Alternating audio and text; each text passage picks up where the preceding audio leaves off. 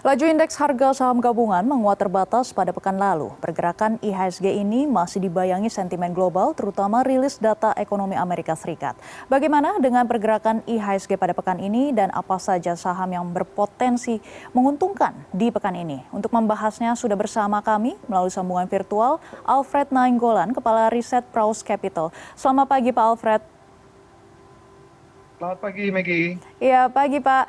IHSG diprediksi bergerak bervariasi dengan peluang menguat dalam sepekan. Dan berdasarkan riset Anda, indeks akan menguji level support dan resistensi di kisaran berapa, Pak? Ya, kalau kita perkirakan kan memang pekan ini mungkin uh, bisa dibilang uh, minim sentimen ya jadi kalau kita lihat isu besarnya masih bicara masalah uh, kebijakan suku bunga. Jadi kemarin memang rilis data inflasi Amerika tanggal 14 eh, Februari kemarin memang ada sedikit uh, mengganggu ekspektasi pasar. Jadi kalau kita lihat inflasinya kan di Amerika hanya turun 10 basis point, sementara di tiga bulan terakhir bisa turun 50 sampai 60 basis point. Artinya tadi penurunan inflasi melambat sehingga uh, ekspektasi pasar bahwa uh, untuk efektivitas uh, kenaikan suku bunga yang sudah dilakukan sepertinya juga akan berat untuk menekan terus inflasi. Sehingga pasti opsinya ada dua nih. Ekspektasi barunya adalah kemungkinan untuk uh, pasar sebelumnya memperkirakan bahwa uh, semester kedua akan sudah mulai terjadi penurunan suku bunga. Dengan kondisi yang inflasi uh, kemarin, uh, otomatis perkiraan itu atau ekspektasi itu kemungkinan akan bisa lebih lama lagi untuk diturunkan suku bunga. Atau yang kedua juga bisa jadi nanti tadi kalau kita kemarin uh, secara konsensus pasar ekspektasi puncak kenaikan the Fed uh, tahun ini di angka 5,25 sampai 5,5 persen. Artinya dengan kondisi inflasi yang kalau terjadi terus penurunan yang uh, sangat kecil, jangan-jangan tadi bahwa puncak uh, rate the Fed nanti tidak di 5,2 sampai 5,5 persen karena sampai sejauh ini sepertinya berat untuk inflasi turun di bawah 6 persen untuk US-nya dan ini yang banyak mempengaruhi kita juga lihat begitu pasca pengumuman in, uh, apa inflasi tersebut uh, rupiah juga uh, sedikit uh, tertekan arus uh, net uh, sell asing juga mulai terjadi uh, kenaikan. Jadi kalau untuk pekan ini kita lihat dengan kondisi tersebut sepertinya juga uh, minim sentimen. Uh, kita nanti melihat apakah ada kejutan nanti di uh, apa uh, eh, minute meeting nanti di, di hari Rabu ya. Tapi sampai sampai sejauh ini kalau kita lihat memang sangat minim sentimen dari sentimen pasarnya, sehingga memang sangat tergantung oleh sentimen-sentimen eh, sektoral dan juga sentimen individual seperti aksi korporasi dan juga eh, rilis laporan eh, keuangan. Sehingga dalam kondisi itu kita perkirakan tadi range IHSG juga di pekan ini kita perkirakan juga akan sangat eh, kecil di 6.800 sampai 6.961. Nah, kita melihat bahwa bahwa resistennya dia ada di 6.960.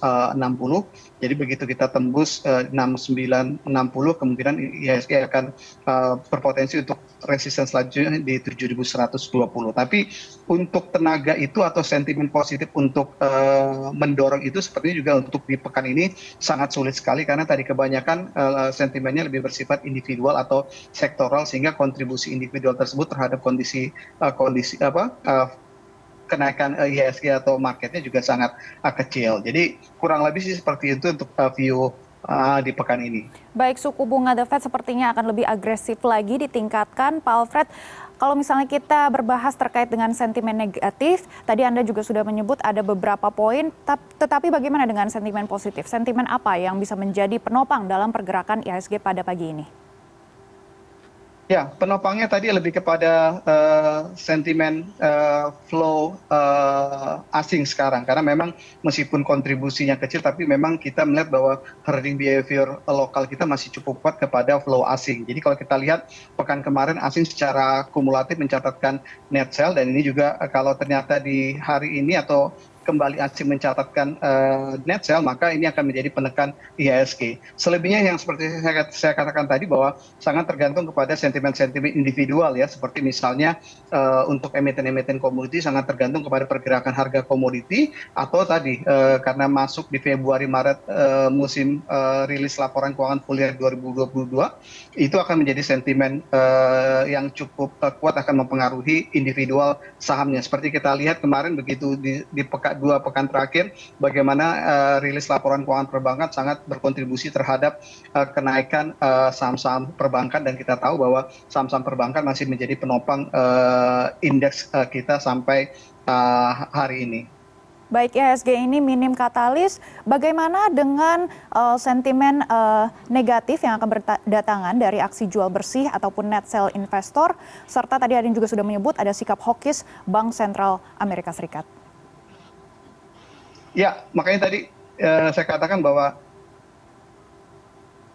ya makanya tadi saya katakan tadi bahwa sangat tergantung nanti apakah ada sesuatu yang baru di FOMC Minute nanti di tanggal 23 eh, Februari ya. Kalau memang tidak ada uh, perubahan atau arah yang cukup uh, signifikan masih pada ekspektasi awal saya, saya rasa mungkin tekanan jual juga kemungkinan akan uh, berkurang. Hmm. Uh, tapi sampai sejauh ini kita melihat bahwa uh, even pun nanti terjadi uh, tekanan jual dari khususnya dari asing kita masih melihat ini bersifat temporary karena memang kalau kita lihat bahwa outlook ke depan sampai sejauh ini masih cukup solid bagaimana tadi kuatnya ekonomi kita yang sudah ditunjukkan oleh penguatan rupiah kita yang saat ini juga masih cukup solid di 15.100 sampai 15.200 dan kalau kita lihat juga uh, rilis uh, data-data emiten kita juga sepertinya juga masih cukup uh, baik menjadi penopang masing-masing uh, saham sehingga ini juga tentu akan menjadi daya tarik secara keseluruhan untuk uh, investor khususnya tadi investor uh, asing. Baik, sepertinya ini rilis laporan keuangan tahun 2022 masih akan menjadi sentimen yang cukup positif bagi indeks bursa saham Indonesia dan tentunya kami juga ingin mengetahui bagaimana dengan uh, secara sektoral apa saja yang akan menjadi sorotan pada pekan ini. Ya, kalau kita lihat tadi bahwa uh, rilis uh, emiten perbankan, bank-bank besar kita juga cukup bagus angkanya dan ini tentu menjadi sentimen cukup bagus untuk sektor perbankan khususnya tadi uh, untuk uh, first liner di sektor perbankan. Untuk komoditi kemungkinan di sektor coal juga masih uh, tertekan oleh penurunan harga komoditi. Kita melihat bahwa dari sisi komoditi mungkin yang uh, layak untuk diperhatikan dan uh, cukup potensial ya emiten-emiten uh, berbasis komoditi khususnya tadi komoditi uh, tins atau uh, copper dan juga gold relatif masih cukup solid untuk harganya. Untuk CPO juga relatif masih juga cukup solid untuk harganya kita lihat uh, tekanannya juga tidak terlalu uh, cukup besar. Jadi untuk komoditi mungkin concern di coal yang relatif masih akan tertekan oleh uh, pergerakan harga komoditi yang terus mengalami penurunan. Untuk sektor-sektor yang lainnya masih kita lihat sektor teknologi juga masih relatif cukup oke okay ya khususnya tadi Goto yang kita tahu bahwa kemarin pemberitaan masuknya mereka ke indeks FTSE ini juga akan menjadi sentimen atau katalis positif secara individual terhadap saham Goto dan kemarin kita juga lihat bagaimana Goto punya kontribusi yang juga cukup besar terhadap indeks sehingga pengaruh uh, kenaikannya juga akan sedikit mensupport tadi uh, kenaikan IHSG. Jadi untuk pekan ini sekali lagi memang pergerakannya mungkin akan cukup sempit dan masih bergerak mix tapi kita masih optimis bahwa pekan ini mungkin akan ada kenaikan sedikit untuk IHSG kita. Baik, tadi ada sektor perbankan, komoditi, dan juga big cap teknologi ya Pak Alfred. Dan tentunya kami juga ingin mengetahui bagaimana dengan sektor infrastruktur. Karena ini kayaknya sepertinya sudah landai uh, sentimen dan tidak ada beberapa pergerakan yang signifikan. Tetapi kami juga melihat banyak sekali yang mulai digali seperti proyek IKN dan lain-lain. Bagaimana dengan sentimen di uh, bidang properti Pak? Ya, kalau kita lihat tadi infrastruktur khususnya BUMN karya dan juga uh, properti kita lihat khususnya tadi untuk yang sektor uh, infrastruktur karya kita lihat uh, kenaikannya sebenarnya sudah cukup bagus ya uh, di awal uh, uh, tahun ini sampai saat ini memang dalam satu dua pekan terakhir kita lihat lebih kepada fase konsolidasi harga karena kenaikannya sudah cukup bagus. Dan untuk sektor properti juga uh, sepertinya dengan tadi uh, adanya sedikit gangguan ekspektasi terhadap uh, tertundanya uh, uh, fase penurunan suku bunga yang diperkirakan akan terjadi di semester uh, kedua tentu ini juga akan sedikit uh, mengganggu untuk uh, outlook untuk sektor properti karena kita tahu bahwa uh, kenaikan suku bunga atau tingginya suku bunga masih menjadi katalis atau sentimen negatif bagi sektor uh, properti secara makro. Jadi dengan adanya penundaan tadi fase mulai di, ekspektasi bahwa suku bunga akan mulai turun nanti di tahun ini atau di akhir tahun nanti tentu ini juga akan uh, akan kembali menekan sektor uh, propertinya sendiri secara